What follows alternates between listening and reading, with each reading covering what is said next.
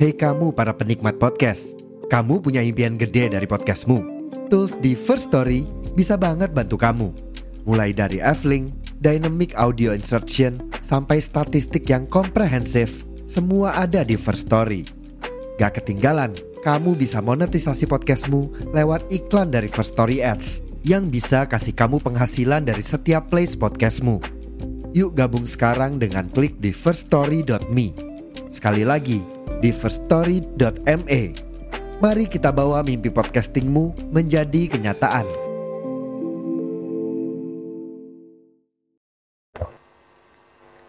Check sound, check sound, one, two, three. Check sound, check sound again, one, two, three. Kembali di podcast akhir malam, season 2. Ke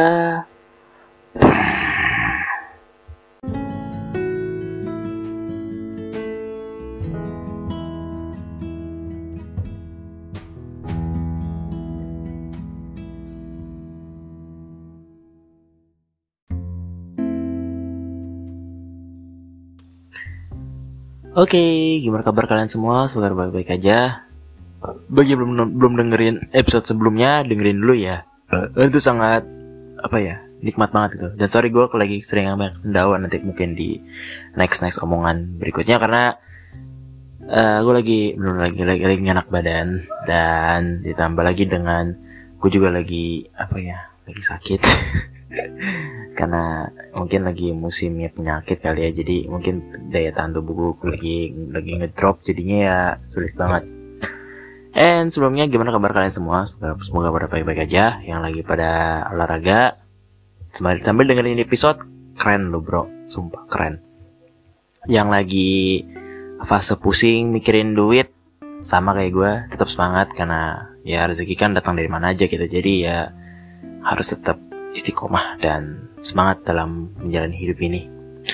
Yang lagi apa persiapan mau apa namanya mau naik jabatan atau kayak banyak pikiran untuk masa depan tepat banget gitu kalian dengerin ini. Karena apa? Pembahasan kali ini cukup masih tentang pengembangan diri itu adalah overthinking dan kesehatan mental.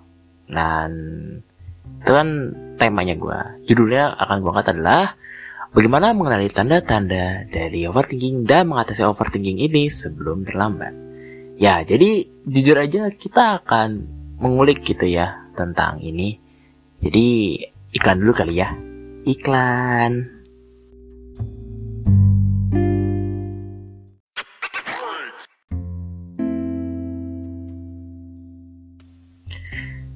Dan kenapa tadi gue bilang iklan dulu? Karena ini biasa nih, gue mending mic-nya dulu kawan. Karena jujur sih, kalau misalkan mic gue nya belum begitu bener ya sulit gitu. Karena jujur ya, gue meskipun masih tahap berkembang ya karena gue podcastnya masih podcast berkembang gitu karena pakai HP pakai HP buat mesinnya nanti untuk yang micnya ya dari headphone gue sendiri gitu jadi nggak apa-apa gue seneng karena gue menggunakan fasilitas yang gue punya dan gue maksimal itu sebaik mungkin dan alhamdulillahnya siap-siap season 3 muncul tinggal berapa episode lagi rahasia oke okay berkaitan dengan overthinking ya. Jadi overthinking itu adalah suatu uh, apa namanya fase di kala lo tidak bisa apa bahasanya? Bukan tidak bisa sih kayak lo tuh berpikir secara berlebihan tanpa apa namanya ya?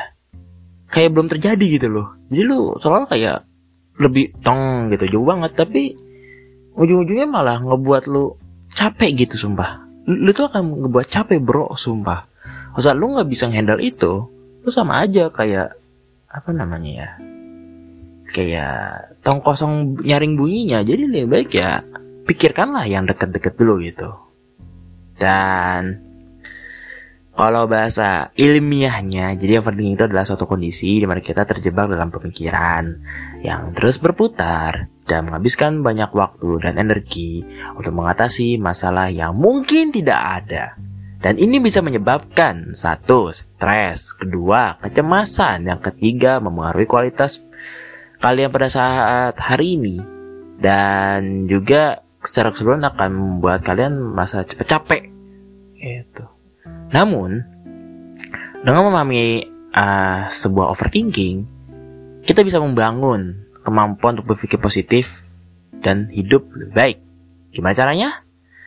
Well, sebenarnya sih ada beberapa cara sih menurut gua sih kan. Banyak banyak cara. Kalau versi gue itu kalau misalkan gue mengatasi overthinking gue ya, ya gue cobalah kayak ini loh apa namanya sering olahraga olahraganya. Ya maksudnya kayak gini loh olahraga tuh kayak gue dari jauh-jauh hari mikirin gue untuk di tanggal ini tanggal ini ini gue ngapain nih? Oh iya olahraga. Ya udah jadi di hari itu gue olahraga. Dan mungkin kayak gini lu buat bisnis atau lu pengen buat uh, episode podcast gitu atau episode episode yang ada di apa platform uh, IG lu atau apa pun itu. Ya lu pikirin dari jauh-jauh hari gitu.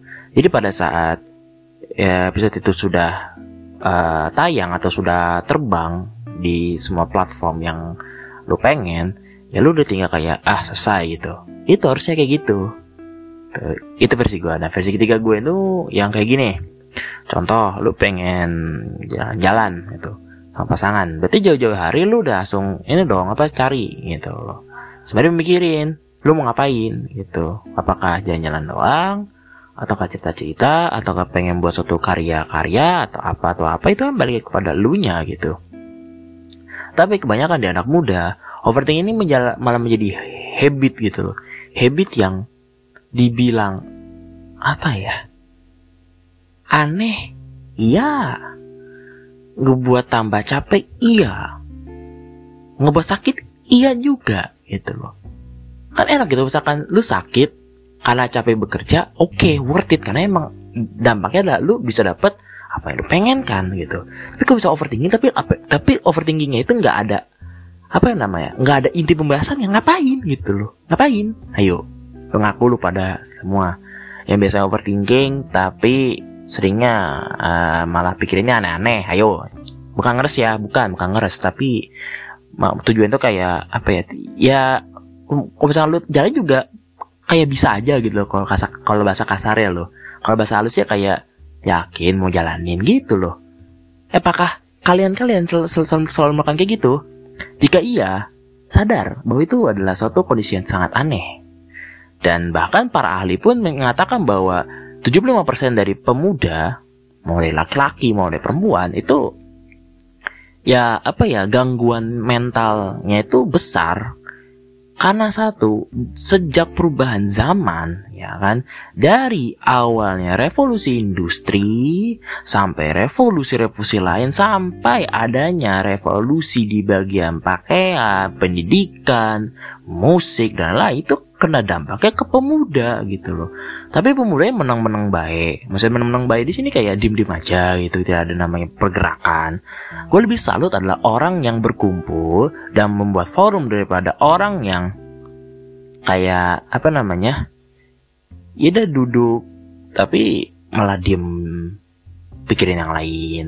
Tapi tapi nggak mungkin terjadi dong kayak gitu kayak who the hell gitu buat apa gitu loh ya kan Ditambah lagi kalau misalkan lu, lu pada nih overthinking, tapi lu nya nggak bisa nemuin cara menyembuhkannya, ya lu, wah hati-hati lu, lu bisa terkena siklus itu sampai lu ya pas sudah tua kali gitu loh. Tapi tapi sebenarnya tanda-tandanya itu ya kan tanda-tandanya mau tahu? Mau tahu? Nah, lanjut di bahasan berikutnya. Here we go.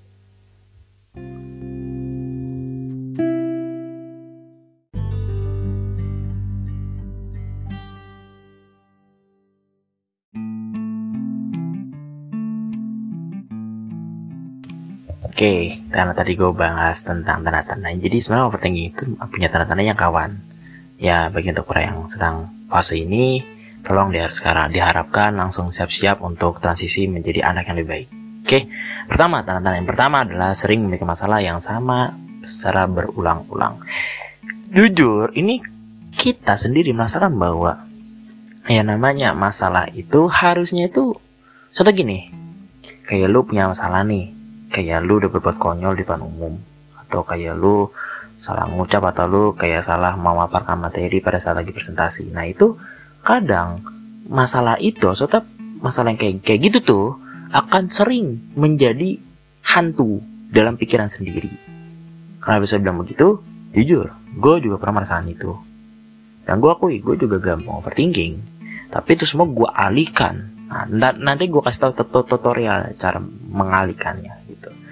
Jadi ya kalau misalnya lu lupa ada nih yang merasa kayak kok gue padahal ini masalah ini udah kelar gitu loh selamat ya udah lewat tiga tahun lah. Tapi kok sering muncul mulu pemikiran ini? Karena lu nya mungkin kayak belum ikhlas terhadap permasalahan tersebut gitu loh.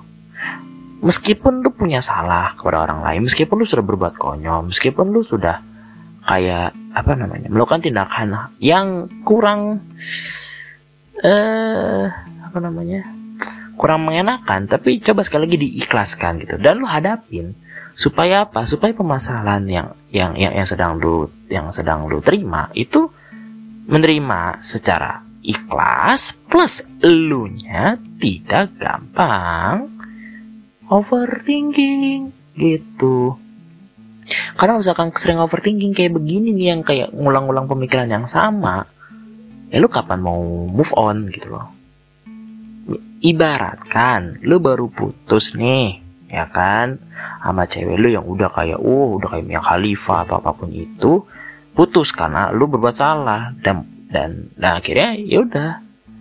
Setiap beberapa bulan eh sorry beberapa bulan demi bulan berlalu tapi lu masih tetap mengingat-ingat per, permasalahan lu sama dia. Dan lu mau kapan move onnya gitu. Mending diklasin bahwa ya udah hubungan sudah selesai dan saatnya gue menata kembali kehidupan gue supaya gue bisa semangat atau mungkin gue bisa mengejar ketertinggalan gue atau mungkin gue bisa menyelesaikan goals goals yang mungkin sudah gue buat sebelum sama dia. Kayak gitu aja gitu loh. Santai. Gitu. Lanjut. Yang kedua sulit memutuskan apa yang harus dilakukan. Nah sebenarnya ini adalah kayak cara menentukan apa sih namanya prinsip sih. Karena uh, di kasusnya gue lihat ya kasus yang ada di maksudnya kayak gue lihat dari kasus teman-teman gue sih. Gue kan teman-teman gue ini pada saat lagi kayak apa ya dihadapkan dengan ada namanya organisasi plus uh, lomba. Bahkan sih emang langsung terjun ke lomba gitu. Tapi kebanyakan ada juga yang ke organisasi. Ada ada juga yang tidak sama sekali gitu loh. Tapi kebanyakan orang yang langsung terjun begitu aja itu sulit banget memutuskan gue mau terjun ke organisasi atau ke perlombaan atau gue kerja gitu loh. Banyak banget di luar sana yang merasa kayak gitu kan. Aku lu. Aku lu pada ya kan? Iyalah jelas. Dan ini yang ngebuat jadi kayak ngebuat mahasiswa ataupun masyarakat di di kita jadi kayak mental memble gitu loh. Jadi kayak diem dulu capek. Dan dan gue juga salah satunya gitu loh. Tapi tapi gini gue udah berusaha supaya yang sulit memutuskan ini gue coba dulu secara yang paling basic dulu. Contoh gini gue pengen makan. Gue pengen makan apa nih? Mah pagi ini. Oh ternyata yang gue punya telur tempe dan uh, apa namanya sayur. Ya udah gue coba buat makanan yang sesuai dengan keputusan gue loh. Contoh pagi ini gue pengen makan tempe. Ya udah berarti makan tempe siang gue pengen makan sayur. Dia makan sayur. Sore gue makan sayur dan tempe. Ya silakan gitu loh. Itu adalah contoh latihan secara gampang gitu loh. Supaya apa ya kualitas lu dalam memutuskan suatu prinsip itu bisa berjalan secara baik. Dan yang paling gue sayangkan itu pada saat gue lagi ngebangun komunitas itu. Dan komunitasnya malah jadi apa ya mati suri kembali itu dikarenakan dari kepemimpinan gua yang mungkin kurang tegas dan ya ya udah gitu loh. Dan itu pun harus gua harus gua ambil si tindakan tegas gitu loh. Dengan cara ya udah gua maintain aja sekarang sekalian gitu. Nanti gua onin lagi pada saat gue pengen aktifin lagi. Aktifinnya mau kapan? Ya itu ya nggak tahu gitu who knows gitu ada yang tahu. Tapi sekali lagi gue melakukan tindakan maintain ke dalam komunitas gue itu adalah berat. Karena banyak orang-orang yang udah masuk dalam gitu sudah gue wawancara dan lain tapi ya ya udah gitu gue gua main ten lagi. Bahasa bahasa kasarnya main tisuri bahasa halusnya main tening gitu. Sampai gue bisa menemukan formula pada saat di skala gue ada aktifin lagi gue bisa kayak teng dapat gitu loh. Bisa lancar lanjai gitu gitu. Dan yang ketiga merasa tidak nyaman dengan situasi yang tidak pasti. Nah ini bisa dianggap seperti kayak uh, bentar lu bentar gue benerin laptop laptop gue bentar. Laptop gue tiba-tiba error hehe oke lanjut. Jadi gini merasa tidak nyaman sih di di di, di oh my god. Masa gini merasa tidak nyaman di situasi yang tidak pasti itu kadang agak ngebuat capek pasti. Tapi contohnya apa sih merasa tidak nyaman dengan situasi yang tidak pasti? Seperti gini, lu menunggu, ya kan? Menunggu dia, ya kan? Menunggu dia berubah. Apakah itu menjadi uh, bukti bahwa dia akan berubah atau kayak gimana? Ya belum tentu gitu. Siapa tahu orang yang lu tunggu ini malah jadi apa namanya penyakit buat diri lu sendiri. Itu lebih baik ya ya menurut gue ya carilah yang baru. Karena meskipun lu udah punya apa namanya ya apa namanya uh, support ataupun yang lain atau kayak punya kenangan yang indah bersama dia tapi kalau misalkan sudah kayak merasa tidak nyaman lebih ya cari yang lain itu tapi tapi gue nggak nyuruh buat putus ya bukan. Cuman gue ini tuh sebenarnya tergantung kondisinya sih kalau misalkan yang yang ini loh yang gue bilang sekarang buat apa contoh kasusnya. Karena ada banyak teman-teman gue yang kayak apa namanya ya bersama pasangannya hai hai tapi dibaliknya kayak ada yang kangen tapi di belakangnya cowok atau ceweknya blangke ya banyak gitu. Banyak luar sana. Jadi ya ada tinggalkan aja lah gitu. Itu yang pertama. Yang kedua contoh kedua adalah kayak lu bekerja. Lu udah daftar nih ya kan? Ini contoh gua nih gitu. Gua daftar ke salah satu merek minuman anak muda gitu gue udah daftar gue udah lengkapin semua data-data gue gue itu gue kirim. Katanya nanti dihubungin tiga hari kemudian. Pas gue tungguin tiga hari kemudian gue cek setiap email yang nggak ada. Wuh tahu tuh itu adalah kayak apa ya ya gue kadang udah waktu itu udah kayak hopeless gitu apa ya pada saat itulah. Itu pun pada saat gue lagi belum buat podcast gitu. Enak banget gitu. Nggak nyaman udah nggak nyaman. Itu menunggu situasi juga yang nggak pasti karena ditunggu-tunggu malah begitulah. Bangke. Apalagi contohnya ya ya merasa tidak nyaman tuh kayak lu nih lu berkuliah atau kayak lu bekerja ya kan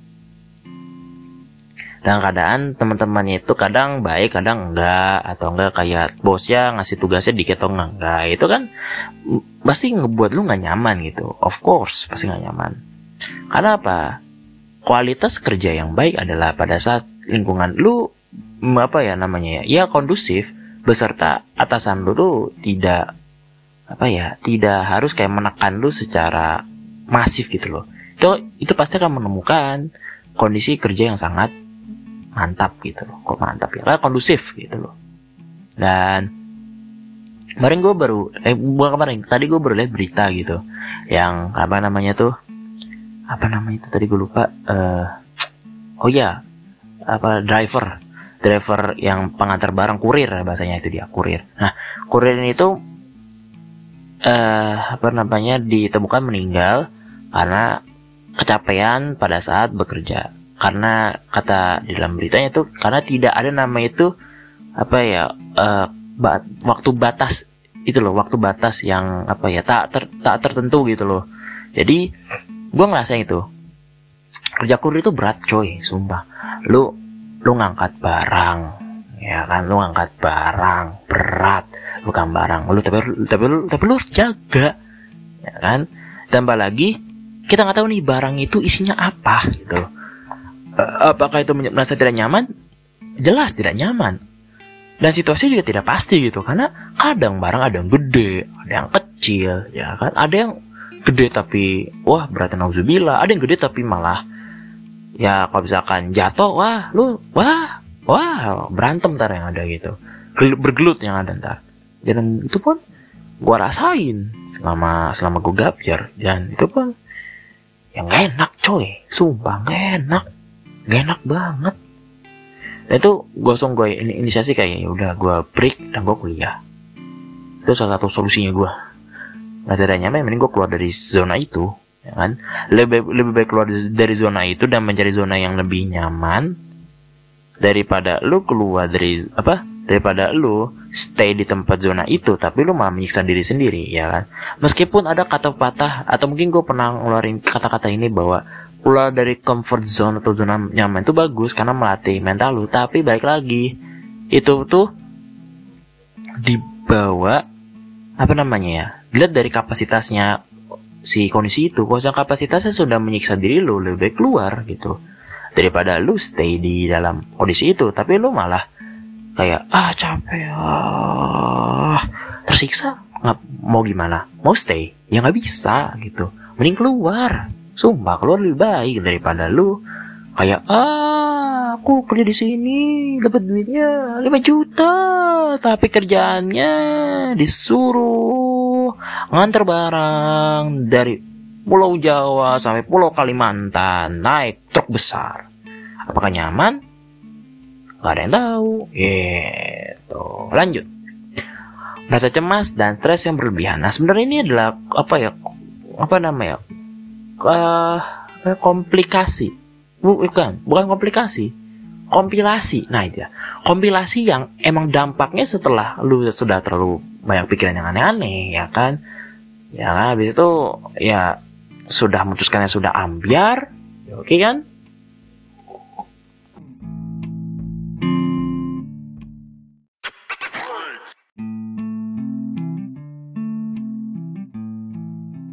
Ah, lanjut habis itu merasa tidak nyaman yaudah keluar rasa cemas yang kayak aduh gue bisa nggak ya? Gue mampu nggak ya? Gue bi bisa lawan dia nggak ya? Itu adalah cemas gitu. Dan jujur gue juga pernah merasakan cemas ini gitu. Maksudnya dan stres berlebihan pernah. Yang ngebuat gue kadang salah mem, apa ya salah memutuskan gitu. Itulah efek dari cemas dan stres. Kalau misalkan terlalu banyak prinsip atau kayak lu milih satu putusan tuh nggak bisa gitu. Makanya itu gue kadang kalau misalkan kayak lagi banyak pilihan gue mending menghilang dulu berapa jam atau berapa hari dan gue muncul lagi gitu. Bukan dalam arti gue mau bukan oh sorry bukan dalam arti gue mau mensalin treatment bukan. Tapi memang gue emang harus menangkan diri dulu supaya kayak stres sama cemas ini turun dulu gitu. Bahkan gue pernah cemas pada saat gue lagi waktu itu waktu SMP sih gue waktu itu gue pernah merusak jam apa hasil desain apa hasil kreativitas dari teman gue ya kan? Gue gue merusak gitu. Dan gue cemas dong. Aduh gimana nih gue buatnya nih? Cara bener ini gimana gimana gimana gimana? Dan gue langsung dimarahin sama dia dan dan bilangnya gue nggak mau tahu lu harus benerin fake gitu. Ya udah.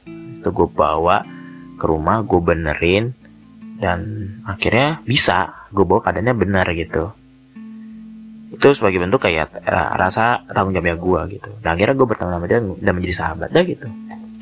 Itu itu menjadi kayak kadang rasa cemas ini menjadi gangguan besar dalam kehidupan manusia gitu. Ya enggak sih? Ya enggak iyalah karena sangat cemas pasti lu ngebuat lu pengen buat suatu keputusan atau lu pengen memikirkan hal-hal yang pengen kayak gue mau ngapain sini ya? Atau kayak lu pengen makan apa pun juga bingung karena rasa cemasnya selalu muncul ditambah dengan rasa stres yang kayak udah kayak udah mumet dimarahin sama itu apa di mana sama orang-orang besar orang-orang banyak ya kan? Bahas tugas yang yang langsung berak jadi gitu. Stres itu jadi kayak ah oh, udahlah lebih baik kayak lu liburan atau enggak lu baca buku atau lu apa pun itu supaya lu bisa tenang. Dan rasa stres dan cemas ini sudah menjadi apa ya hobi kayaknya sih di dalam apa nama itu di kaula-kaula muda.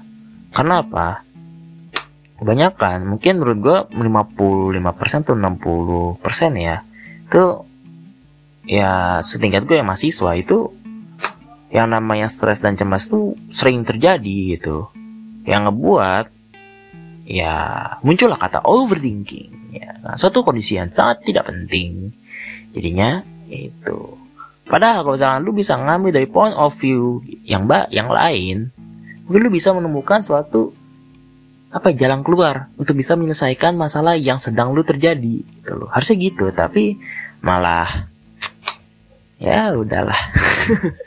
Ya itulah kaula muda. Lanjut. Berikutnya adalah memikirkan hal-hal negatif dan tidak mempercayai diri sendiri. Nah ini -hal negatif itu bukan ngeres ya bukan maksudnya kayak terlalu berlebihan berpikiran.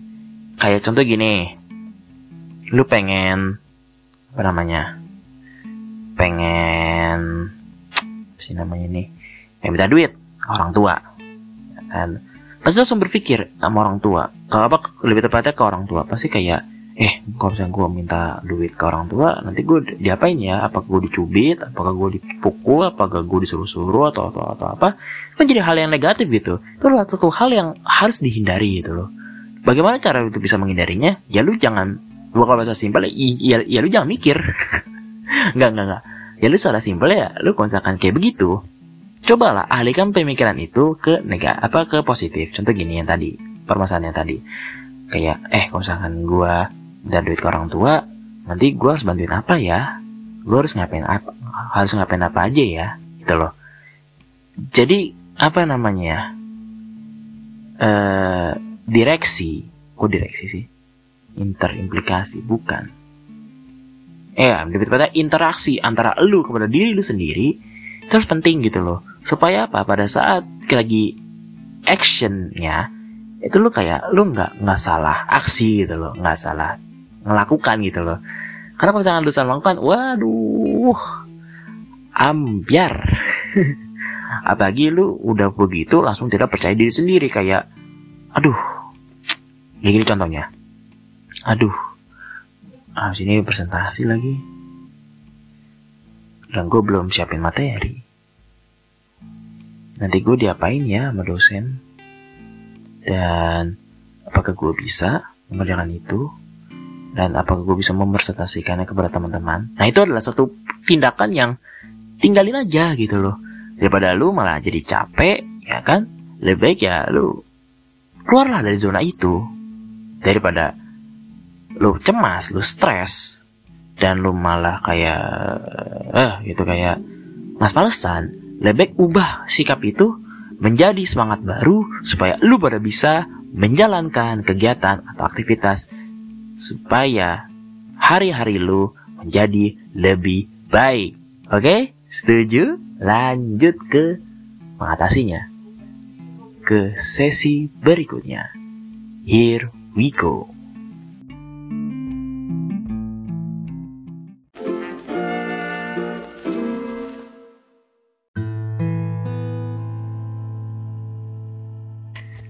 Oke, okay, cek. Tadi. Ah, udah gue kan jeda dulu bentar dan gue baru baca tadi ada berita bahwa alhamdulillah ya mungkin episode kali ini menjadi peresmian juga kali ya.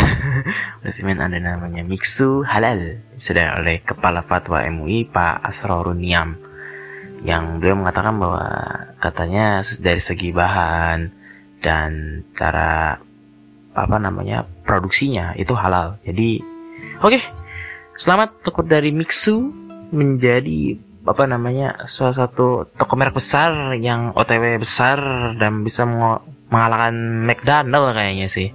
Karena gimana? McDonald kan yang menjadi kayak apa namanya franchise yang terbesar di Indonesia dulu. Dulu sampai sekarang sih. Sekarang adalah kayak yang dikuasain tuh yang gue inget ya, pertama Mixu, yang kedua si Boba, yang ketiga apa namanya ini siapa tuh? Kan jadi jiwa ya kan chat chat time ya dan lain. Dulu McDonald, Jeko, Awe, KFC apa namanya Starbucks. Malah Starbucks sama dari, dari dulu nggak sekarang nggak nggak berubah berubah tuh. Lah lagi ya uh, apa tuh? Yang sekarang tuh yang paling hits di tingkat makanan tuh Golden Lamian tuh yang toko ramen tuh apa gitu. Itu oke okay sih tapi ya udah. Tapi karena sudah kejauhan dari topik gue balik lagi ke topik yang tadi tentang overthinking jadi begini. Overthinking yes overthinking. Ini sebenarnya gue cek cek data sih. Ini tuh ini kok gue jadi ini menyebar lagi? Nggak nggak fokus fokus fokus fokus. Mengenai overthinking ya uh, overthinking. Sebenarnya ada beberapa tanda-tanda sih. Kok tanda-tanda lo salah baca. Kok baca sih? Duh tolong ya untuk editor di cut di cut aja. Ya ini agak random soalnya. Agak random. Oke lanjut. Cara mengatasinya. Jadi ada berikut berikut sih. Kok berikut berikut maksudnya gini berikut adalah beberapa cara. Nah gitu dong. Berikut adalah beberapa cara yang dapat membantu kita semua dalam mengatasi overthinking. Yang pertama jadi kan ada beberapa yang sudah gue jelasin tapi ini hanya tambahan-tambahan aja sih. Yang pertama ada namanya fokus pada apa yang kita kendalikan. Maksudnya apa? Kita bisa namanya itu ya ada beberapa hal yang mungkin tidak bisa kita kontrol. Dan kita bisa kayak beberapa kalau bisa ada yang bisa dikontrol itu difokuskan gitu. Kayak contoh lu fokus kepada perhatian. Nah, kayak lu punya bisnisnya lu fokus ke perhatiannya yang bisnis ini nih. Supaya pada saat lagi besar lu nggak kaget kayak uh gitu. Nggak kaget. Jadi lu nggak kayak lu tuh udah punya planning gitu. Dan juga ada hal-hal kalau bisa ada yang bisa dikendalikan. Minimal tuh harus bisa dibuat perencanaan plus ada namanya tindakan mengatasinya gitu loh. Kayak gue pernah ngangkat deh di pada saat lagi di filosofi teras deh. Bentar di episode mana ya? Oh iya yang ini yang si Zeno ya si teras. Ini gini kayak kalau bahasa yang ini yang poin pertama tuh di dikotomi. Nah masuk ke dikotomi kayak satu hal yang mungkin kita bisa kontrol gitu loh. Kalau kita bisa mengkontrolnya ya lakukan. Kalau misalnya ada yang nggak bisa dikontroli jangan dipikirin gitu loh. Karena kebanyakan orang terlalu ber berpikiran yang sangat amat ah sudahlah gitu loh. Ngebuat pusing gitu loh. Ya kan? Ya nggak sih? Tadi gue bilang awal kayak gitu kan? Ya sama gitu loh. Itulah ngebuat kayak oh my gitu. Satu Trikotomi, trikotomi adalah suatu tindakan yang lu bisa menghandle sekaligus tetapi dengan jangka waktu yang hanya lu doang yang mampu gitu. Sorry lebih tepatnya hanya lu doang yang tahu gitu loh. Bukan bukan orang lain tapi orang diri lu sendiri lah yang bisa gitu loh. Contohnya gini sal gua kuat dikala gua bisa keadaannya fresh pikiran gue plong ya kan? Gue bisa multitasking tapi kalau misalnya gue lagi nggak sehat baik pikiran bla bla bla ditaruh di multitasking wudar meledak gitu. Gitu. Sebenarnya dibilang apakah multitasking itu baik atau enggak itu balik, itu balik lagi kepada kebutuhannya gitu. Kalau misalnya kebutuhan untuk multitasking ya lu ya lakukan gitu. Kalau saran kayak jangan gitu. Lebih jadi orang yang fleksibel daripada orang yang sok fleksibel malah jadi kayak oh my god gitu. Lebih baik ya janganlah gitu. Jangan. Nggak baik. Lanjut. Yang kedua adalah ubah pemikiran negatif menjadi pemikiran yang positif. Ini bisa dilakukan ya teman-teman dengan memfokuskan. Sekali lagi memfokuskan perhatian kita ya masuk dulu pada nih ya pada hal-hal yang positif dan berfokus pada solusi plus inovasi. Jangan mikirin kayak eh gak abis ini gue ngapain ya? Dampaknya apa ya? Jangan. Jangan dulu. Tapi pikirin ke solusi dan inovasinya dulu kalau in, in, inovasi yang ada ini minimal solusi dulu gitu. Nah, tapi kebanyakan di remaja kita, efek kayak gitu tuh yang tadi gue bilang, fokusnya ke dampaknya dulu gitu. Kan gue kan wagu gitu. Lebih baik ya, lebih baik yang ini aja dulu apa? Ke solusi dulu gitu. Solusinya apa nih kalau misalkan lu ketahuan keciduk buang sampah sembarangan. Ya itu solusinya lu ambil bar apa sampah lu, lu buang ke tempat sampah dan lu minta maaf. Udah, that's it kan. Simpel kan? Heto atau gini lu keciduk nih lu ketahuan uh, apa cara dalamnya bolong. Lu ngapain? Ya lu kalau bisa membahas lu bisa dengan cara kasarnya lu buang halusnya lu ganti yang baru. Gitu. Kalau dalam ya. Ayo udahlah. Next.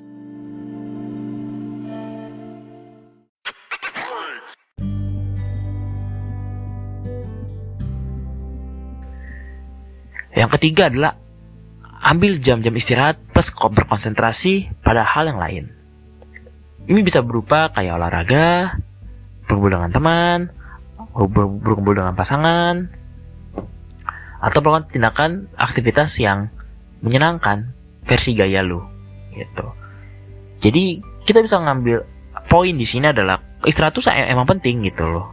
Supaya lu tuh nggak merasa capek. Tapi ingat, istirahat tuh jadi buat overthinking gitu udah dikasih mata overthinking apa? Kok, kok dikasih mata overthinking maksudnya gini lu dikasih kesempatan buat istirahat istirahat bukan overthinking gitu. Istirahat tuh kayak apa? Lu main game baca buku scrolling that's it. Tapi ingat scrollingnya itu kalau ada yang namanya ngebuat lu overthinking mending langsung dicari lagi itu cari yang kayak kayak yang yang buat lu menghibur lah. Kan banyak di luar sana kayak TikTok IG yang banyak banget konten-konten yang lucu gitu. Jadi nggak usah takut gitu loh. Ya kan apalagi hindarin yang konten-konten yang kayak ngebuat diri lo menjadi overthinking. Lebih baik jangan tinggalin aja. Gak usah blok gak usah blokir. Gak bisa buang. Kok buang sih? Astaga. Dan sekali lagi selain istirahat konsentrasi. Nah konsentrasi ini kalau secara sampel kok sampel? Simple. Latihannya tuh kayak gini. Lu baca buku. Memang target itu 15 menit per per berapa halaman gitu loh ya kan? Contoh gini 15 menit buat tiga halaman. Ya nggak apa-apa. Mungkin terasa kayak lo kok lama banget sih Vic baca? Ya nggak apa-apa. Kan tujuan karena juga latihan gitu. Emang kan kan latihan kan boleh terserah yang mau latihan. Jadi nggak usah diatur gitu loh. Nggak usah kan kecuali nih lo orang tuanya yang ngasih ngasih nafkah ya silakan gitu. Kalau misalkan lo bukan ya ngapain? Ya toh lanjut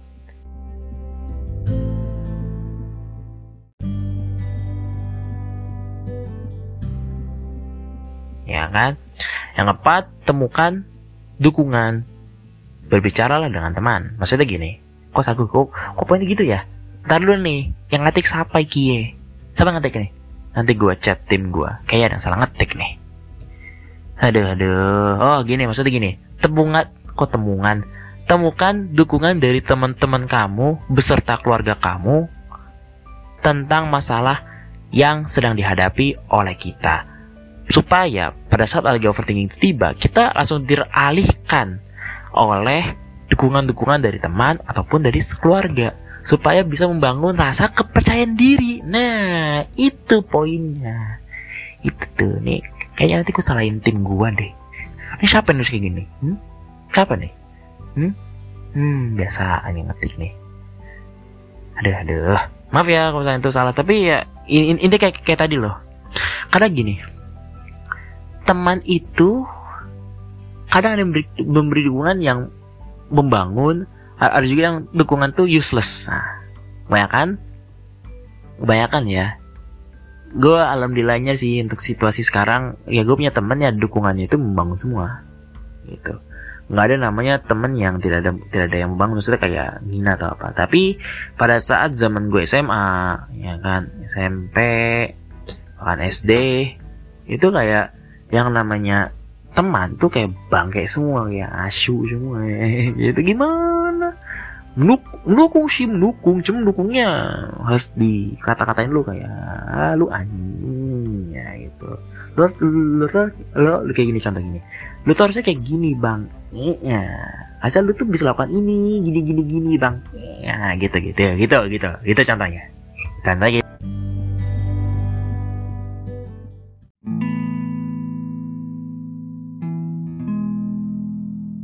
gitu.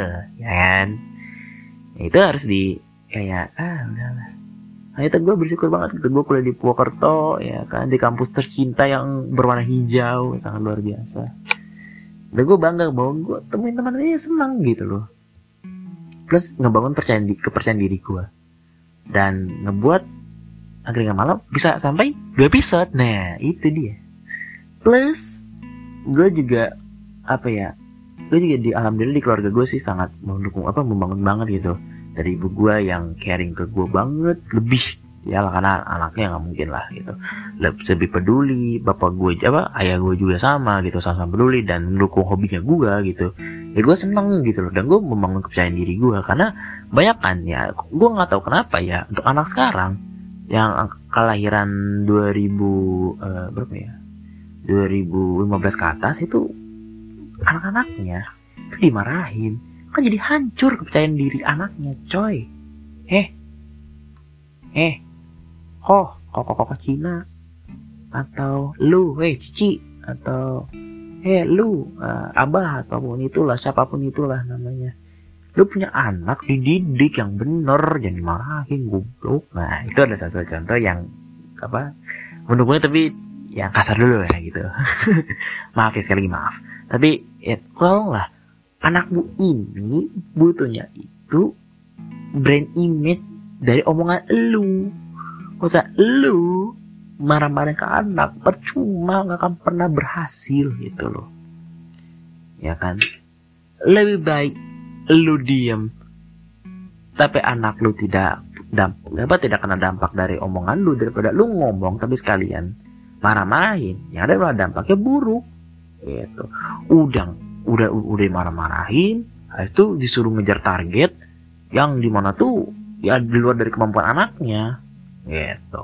Tuh pernah terjadi di ya di depan gue sih. Gue pernah gitu dimarahin sama ibu gue dan ya intinya tuh ibu gue tuh mintanya ya lo kamu tuh harus jadi dokter nak gitu.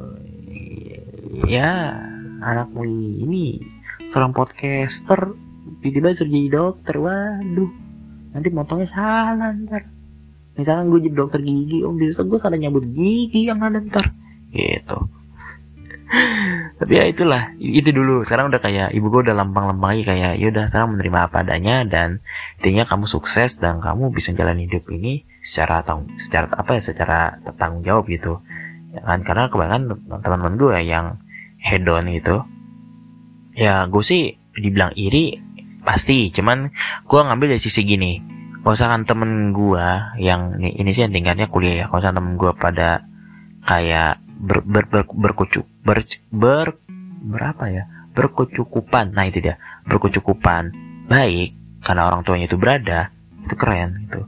Tapi ada anak-anak yang mungkin orang tuanya tidak berada dan secara ekonomi naik turun tapi punya perusahaan sendiri anaknya. Itu keren. Dan gue lagi bawa itu. Karena apa? Orang tua gue itu kan emang bukan dari orang yang tidak berada.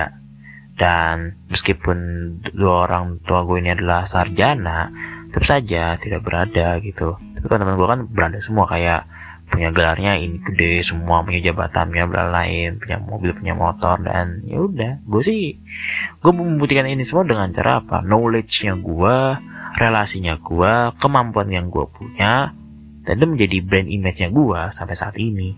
Dari tingkatnya gue waktu itu SMA eh sorry lebih tepatnya gue dari mana? SD SMP SMA kuliah. Gue tunjukin brand image-nya gue sampai gue nyentuh umur gue sekarang di umur 21 tahun. OTW lebih, lebih tepatnya OTW 21 tahun. Karena ya itu balik lagi karena ya gue pengen juga bahwa kalau misalkan oke okay, mungkin lah gue secara ekonomi gue kalah tapi gue pengen coba. Kalau misalnya lu coba buy one secara knowledge tuh. Mungkin mungkin akan terasa berbeda gitu. Dan ya gitu. Tapi ingat juga kalau misalkan nih lu perlu pada nih lu udah tahu ekonomi lu naik turun pas itu keluarga lu antah berantah tapi jarang belajar ya goblok anda. Sorry sorry pelosan dia kayak apa namanya ih jangan gitu loh. Misalkan keluarga lu mau tidak berada atau berada minimal lu belajar lah gitu loh. Minimal baca buku lah gitu loh. Minimal lu buat suatu karya lah gitu loh. Minimal lu bisa apalah kok jadi minimal minimal ya? Minimal BMW bos nah, enggak enggak enggak maksudnya kayak so kayak gini loh. Kayak lu udah tahu lu kok bahasa kasar tuh lu tuh lagi sulit gitu loh.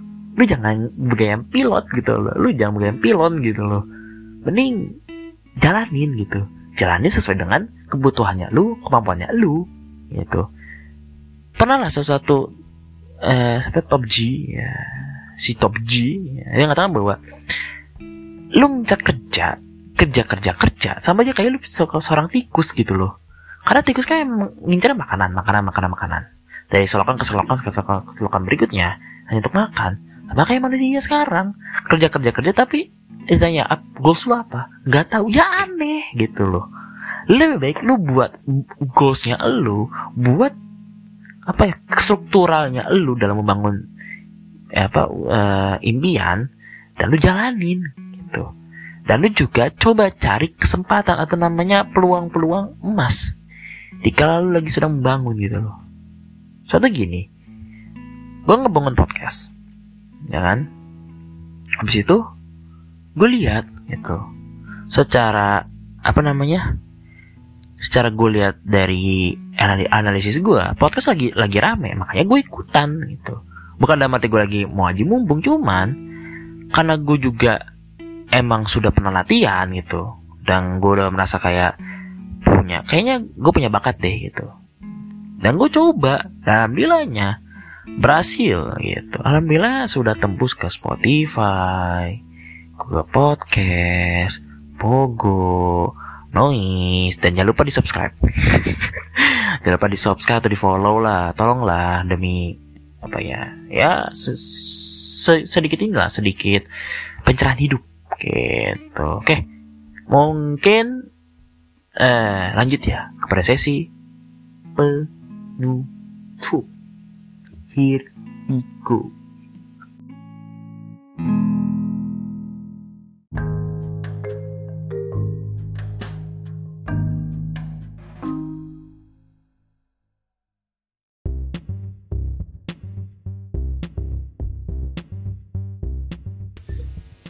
Jadi sekali lagi bahwa overthinking ini memang kondisi yang harus kita bisa tanganin, ya kan? Dan semoga apa namanya kalian bisa mencoba dari berapa yang sudah yang tadi gue bilang di awal. Dan uh, bisa juga gue harap sih apa ya bisa membantu kayaknya ya. Kayak membantu dalam mengatasi overthinking kalian gitu. Karena gue nggak enak lah kayak masa masa ya sih pemuda generasi emas yang Nabi Muhammad SAW dambakan itu malah orangnya memble kan gak enak ya kan? Jadi ya harus kuat gitu loh. Ingat lagi bahwa mengatasi overthinking ini memerlukan waktu dan usaha. Jadi jangan menyerah dan jika kalian tidak melihat perubahan dalam waktu singkat jangan ragu untuk meminta bantuan kepada teman-teman kalian atau keluarga kalian supaya kalian bisa menjalani kesulitan itu secara baik. Karena nggak enak lah kalau sampai berjuang sendiri gitu. Lebih berjuang bersama-sama daripada berjuang sendiri. Ya kan? Dan oke okay, mungkin segitu aja untuk episode kali ini. Thank you udah mau mendengarkan ini secara panjang dan lebar. Gua harap kali ini menjadi episode yang berkesan buat kalian. Segitu aja dan sampai jumpa di episode berikutnya dari Angkringan Malam Season 2. Gabung. Bye-bye. Sampai jumpa lagi kawan-kawan.